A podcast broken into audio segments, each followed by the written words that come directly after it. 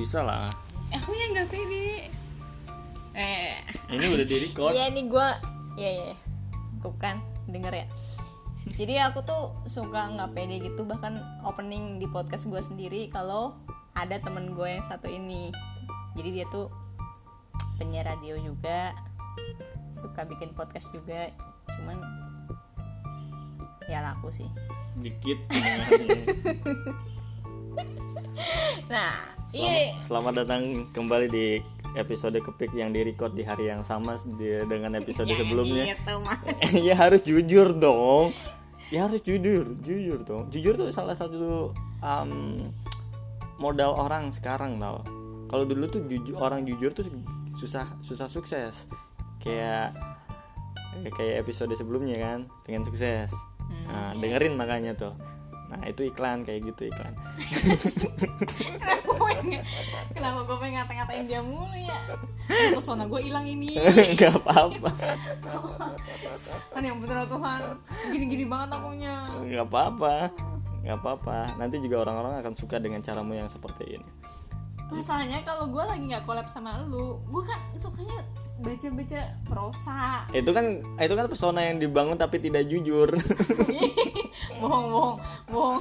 Ya parah banget Enggak, ini eh, di record di hari yang sama dengan episode sebelumnya. Em, karena kebetulan lagi ketemu aja. Iya. Eh, terus tadi itu kepikiran soal apa? Nah itu tadi Nah, kena- iya, kenapa nggak percaya diri sih? Iya itulah nggak percaya diri tuh kayak sebuah penyakit nih. Penyakit yang menggerogoti kita untuk maju. Iya nggak sih? Seringnya. Seringnya kalau gue yang gue rasain sih iya. Jadi gue tuh punya kepercayaan diri yang rendah termasuk rendah diri nggak bisa bangga sama apa yang gue lakuin Hmm. sama apa yang gue ya kayak tadi kan misalnya gue mau opening kalau ada lu kan gue nggak gue nggak pede kan. Gue nggak pede sama apa yang gue lakuin gitu.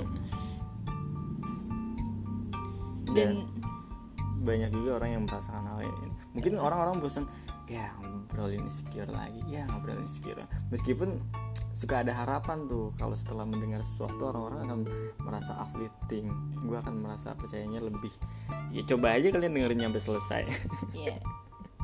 Dan kayaknya kita nggak akan ngobrolin di sisi insecure-nya sih ya, tapi di balik gitu.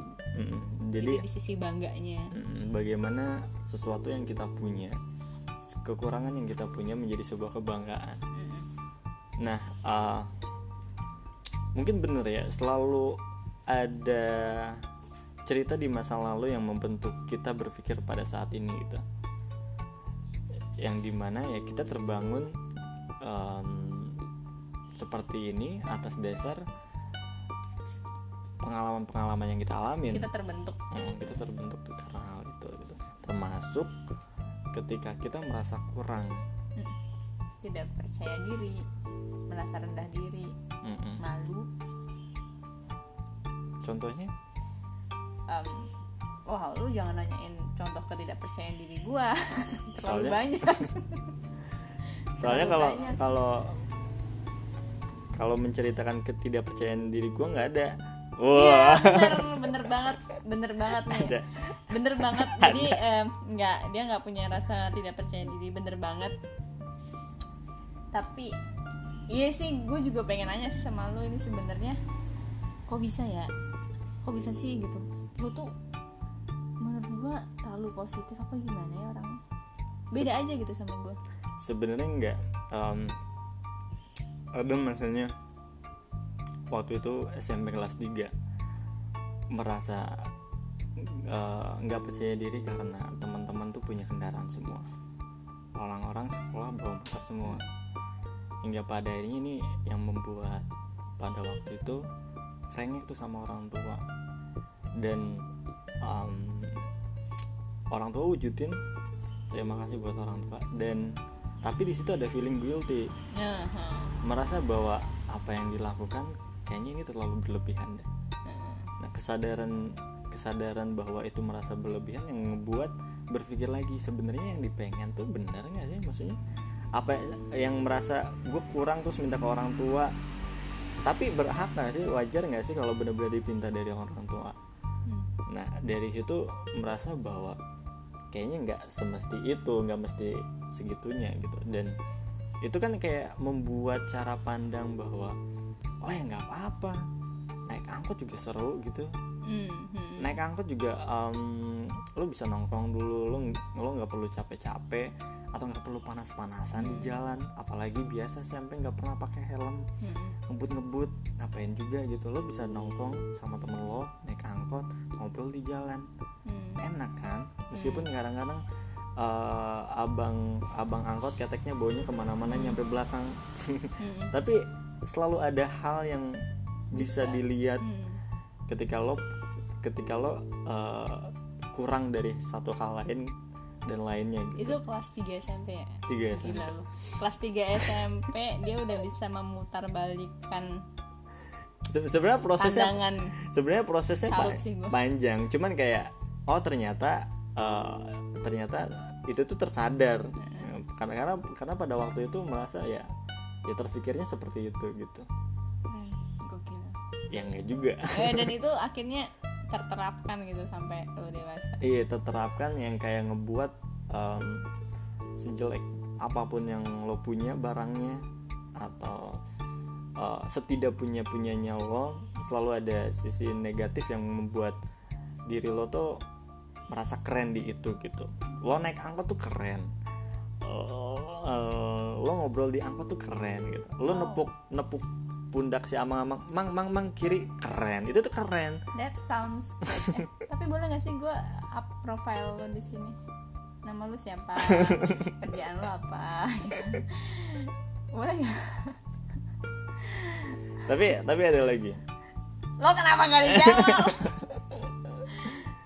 Silakan jadi silakan. jadi eh, namanya itu bintang. Profesi dia sebagai penyiar sebuah radio di kota ini anjir. Selain itu juga MC MC ya Dikit nggak lah? MC-nya. MC dikit. Setelah itu mm, baca buku nggak kelar kelar Hmm, susah. Terus lari. Ya lu lari suka lari. Lumayan lah. Lumayan. Em, terus apa ya? Enggak ini ini tuh mau ke arah mana? Kenapa kenapa? Nggak gitu. se- semua yang se- yang sedikit lumayan itu gimana bisa menjadi kebanggaan lo gitu itu yang akan gue up nanti. Oh. yang pengen gue up. Makanya gue perlu itu. Ngerti gak sih? Maksudnya gini eh, kalau misalkan kita ngobrol sama seorang yang sudah ahli seorang yang udah sukses menurut gue nggak akan susah bagaimana dia menceritakan atau membanggakan perjalanannya. Hmm. ya kan? Be- akan beda sama hal akan beda halnya kalau kita ngobrol sama orang yang ya biasa tapi wah dia hidupnya pen- penuh makna loh ada makna penuh makna. Dan bagaimana dia meng- menghadapi hidupnya yang biasa-biasa aja yang lumayan yang sedikit itu. Hmm. itu kan lebih butuh lebih butuh effort kan sebenarnya men- menjalani hidup yang biasa-biasa aja. Tapi mungkin ada pertanyaan lain dari dari cerita tadi tentang sebenarnya pertanyaan besarnya adalah bagaimana caranya mengubah dari suatu hal yang kurang menjadi sebuah kebanggaan. Mhm. dan uh, sebenarnya karena kita diberi cara pandang dan dan cara pandang adalah suatu hal yang paling paling penting dalam hidup lo Uh, cara pandang cara pandang ya uh, pola pikir gitu kan.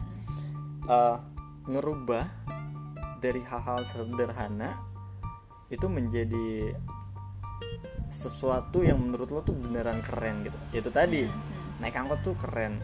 Terus orang bertanya emang kerennya di mana? Ya lo bisa jelasin kerennya dari sini. Dan kayak semisal seseder- sesederhana kayak ya tuh lo punya kendaraan butut. Terus lo bangga dengan hal itu. Tapi orang mengejek ilah lu emang nggak punya duit banget? Emang nggak bisa ganti motor lu ke yang lebih bagus tapi lo bisa menjawab dengan enggak gue suka dengan motor ini. Gue punya kebanggaan gue punya banyak sejarah dan lo nggak tahu kan ceritanya gue bawa gue bawa bawa motor ini barengan sama siapa aja atau ke mana aja. Cerita gue lebih menakjubkan dibanding lo harus bilang tentang tentang uh, motor gue yang jelek ini gitu. Jadi cara merubah pandangan kita terhadap hal-hal yang orang anggap lain jelek tuh itu penting Itulah itulah kenapa pentingnya apa-apa yang kita punya itu dibuat menjadi sebuah kebanggaan. Karena kalau kita bangga kita merasa diri kita keren. Kalau kita keren kita merasa kita percaya diri. Dan dari situ ya udah berarti kita nggak akan pernah ngerasa kekurangan. Hmm, oke. Nah, ini kan eh, misalnya nih, lo kan tadi bisa bangga and- dan tadi yang yang lo jelasin tuh kalau misalnya lo punya kesempatan untuk menjelaskan kepada sesok kepada orang-orang kenapa lo masih pakai motor segini, kenapa lo begini. Karena karena lo jadi lo ada kesempatan untuk menjelaskan. Bagaimana bagaimana kalau misalnya kita tidak tidak punya kesempatan untuk menjelaskan? Kita tidak perlu sebenarnya kita menjelaskan kalau perlu aja. Sesederhana kalau misalkan ada yang no- kalau misalkan kita nongkrong dengan motor butut kita misalkan terus tiba-tiba ada orang lewat dengan pandangan sinis hih motor jelek gitu dalam pikirannya dia. Terus dalam hati kita ya bales. Enggak. Gue keren kok gue merasa keren dengan ini gitu. Hmm, jadi kalau misalnya ada orang yang sinis kita pakai lisan kita akan menjelaskan dengan lisan kalau orang yang sinis kita pakai pikiran kita akan menjelaskan dengan pikiran kita sendiri Eh, kita menjawab dengan pikiran sendiri dan sesederhana gini deh em, kayak orang alay nggak pernah menganggap dirinya alay emang iya ya Iya orang alay nggak pernah menganggap dirinya alay kayak gini. dia um, sadar gitu uh, dia nggak pernah sadar, tapi dia merasa apa yang dia lakukan adalah keren. hmm, ya, gue ya, nggak benar. peduli dong, gue joget-joget gini, gue nggak nggak peduli, gue keren. Oh, iya, gue gue bangga dengan hal ini. Nah menyadari tentang tentang kebanggaan itu yang penting, yang di mana kebanggaan itu bisa ditempatkan pada hal-hal yang uh, kita anggap kurang gitu. Caranya membuat bangga emang uh, sejauh apa sih, semesti gimana sih? Caranya ya mungkin salah satunya adalah bisa mengerti. Nah ini tahapannya sebenarnya bisa di- dirunutkan tuh, Hmm, benar-benar Menger- mengerti tentang apa yang dipunya. eh ya itu tadi mungkin sebelum menjelaskan juga kita mengerti kenapa ini keren, kenapa ini menjadi sebuah kebanggaan dan lain-lain. iya gue gue justru baru kepikiran kalau orang alay itu nggak pernah ngerasa diri mereka alay ya Hmm, eh dan dan mm, mindset atau pandangan mereka bahwa diri mereka keren itu udah udah cukup membantu mereka untuk tetap eksis di dunianya gitu di, di di hidupnya mereka kan. Karena pada akhirnya yang menghidupi kita itu pikiran kita sendiri kan bukan orang lain gitu. Hmm, that's good. Wow. Cuman mungkin kita masih sering uh, bermasalah dengan omongan orang tentang emang emang keren lo tuh buat semua orang gitu. Nah ini yang ini yang masih ngebuat orang berpikir keren itu uh, menurut orang banyak. Sesuatu yang keren itu menurut orang banyak. Kalau orang banyak udah bilang oh ini keren, orang lain akan bilang oh ini keren. balik lagi ke external validation tadi ya Hmm. Sedangkan itu suatu hal yang gak perlu aja. Hmm. Ibaratnya justru malah kalau bisa jangan perlu jangan perlu. Jadi ngebuat em, apa ya tadi? Lupa saya. ada anda jangan lihat saya lama-lama Ya Anda jelaskan dong tentang bahasa Anda bantu saya. Ini seolah seolah obrolan satu arah jadinya. jangan berantem di sini Kenapa? iya nggak enak Gak apa-apa orang akan menganggap ini hiburan kok. Iya kadang-kadang kesedihan orang lain masalah orang lain itu hiburan buat orang lain. Mm. Tapi orang juga akan menganggap ini tuh cuma bercandaan. Yo, Nah depend on their thoughts lagi kan. Balik lagi ke pikiran masing-masing. Nah, kalau orang menganggap em, podcast kita nyeleneh dan tidak bermakna, nggak apa-apa. Kita bangga bahwa kita bisa berkomunikasi. Oh iya bangga. Oh, sesederhana kayak seperti sederhana itu. Bangga dong gila. Kita sia kita siaran nggak pakai AC nggak pakai kipas. Ya kan nanti kedengeran noise-nya. Ayo Anda ngomong lagi, ini jangan ada dead air. Emang maksudnya em, Eh, mm, yang pa- yang paling susah emang yang paling susah dari dari membuat membuat kurang membuat kurang jadi bangga tuh apa sih apa ya gue nggak bisa mendefinisikan.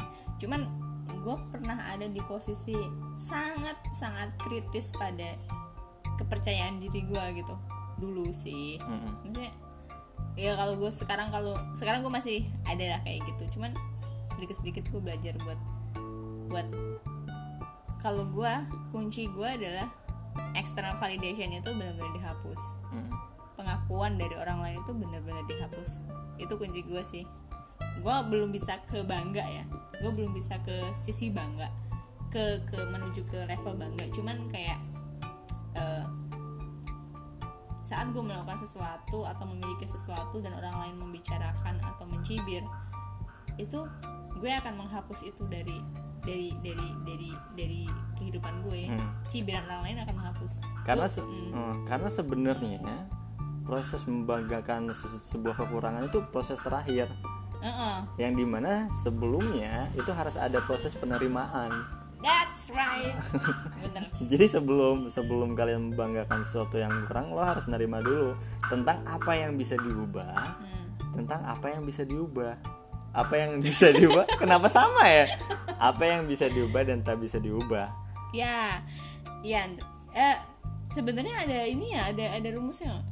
Maksudnya, jadi gue dulu, eh, gue pernah baca tuh buku filosofi teras yang itu tuh me, me- apa ya namanya, sama penulisnya dari mana? Ma, Henry Manampiring ya. Hmm. jadi dia ngom dia mengulas kembali tentang filsafat stoik lo kan pe- pernah suka filsafat juga stoik stoik Hmm, belum nyampe emang belum sampai belum jadi Masih- filsafat stoik dan dan dan, di eh, kita bisa menggarisbawahi menarik benang merah dari buku itu tuh ya. Jadi di dalam hidup ini ada yang namanya sesuatu yang bisa kita kendalikan bisa kita usahakan untuk kita kendalikan dan benar-benar tidak bisa kita kendalikan. Jadi ada tri trikonomi kendali namanya. Dan gue setiap kali menghadapi masalah gue coba untuk mengklasifikasikan ini masuk ke hal yang bisa gue kendalikan atau tidak atau masih bisa gue usahakan Hmm. ke situ dan tadi soal menerima nah gue setuju banget tuh soal menerima cuman kalau gue pikir itu lebih ke saat kita me, me- me- kita insecure atau kita merasa rendah atas kekurangan kita hal pertama yang bisa kita lakukan adalah menerima kekurangan itu sendiri Hmm. Misalnya gue gue jerawatan gitu ya. Hmm. gue jerawatan. Oh gue mau gue mau pakai pakai suplemen kolagen kayak gimana? Mau treatment? Mungkin itu bisa membantu. Cuman itu kan butuh money ya butuh dana butuh Effort. cost butuh effort. Nah selagi gue masih belum bisa ke sana hal pertama yang bisa paling bisa gue lakuin adalah gue menerima keadaan itu. Bener-bener nerima nerima tuh yang bener-bener nerima bukan cuma nerima oh iya gue terima dari mulut tapi bener-bener terima it's okay. Kalau mulut kalau muka gue bopeng-bopeng karena sering banget orang berhenti pada fase menyerah menyerah dengan merasa bahwa ada sesuatu hal yang masih bisa kendali kita kendalikan atau kita ubah. Tapi karena karena dengan seringnya banyaknya mencoba dan terus gagal orang-orang merasa depresi dan merasa uh, kekurangan tersebut malah makin membuat uh, makin mem- mem- makin parah. Dengan memperparah. mem- memperparah. Karena perasaan bahwa bahwa gagal itu dicoba tapi terus gagal dicoba tapi terus gagal. Dan ya itu mungkin kalian harus udah mengklasifikasikan hal tersebut tuh ke suatu hal yang tidak bisa diubah. Bener Mm, itu kenapa um, kalau ngomongin soal kurangnya uh, nggak dilanjutin deh. Ini ini ini ini ma- masih tabu gitu. Oh nggak mungkin akan menjadi next segment Ah, kita aja next segment nah anda bagus sekali membelokannya udah dua menit eh 20 menit jadi apa yang bisa anda petik dari podcast kita hari ini terserah petik apa yang anda pengen petik mau petik daunnya kayak Tapi- apanya kayak. Oh, dan kita uh, ki- kami juga tidak akan meminta maaf kalau kalian menghabiskan 20 menit tapi tidak mendapatkan apa-apa. Mm-mm. Itu sa- maaf ya kami tidak akan minta maaf ah, itu salah kalian. jangan gitu nanti Gak lu lu rusak podcast tuh nextnya Ar- lagi nggak mau lagi mereka dengerin nggak nggak bohong bohong Arogan tuh perlu. emang dia suka kayak gitu Ya udah uh, closing lagi dong. ya udah ya thank you ya Hmm. ini lu udah nih abis ini nggak mau featuring sama gue Iya tergantung nanti gimana. oh ya udah. Oh ya. Nanti kalau misalnya ada teman-teman yang pengen gue featuring lagi sama bintang dm gue ya. Nah, nanti gue kasih ke instagramnya dia juga. Jelek. Oke thank you ya. Bye bye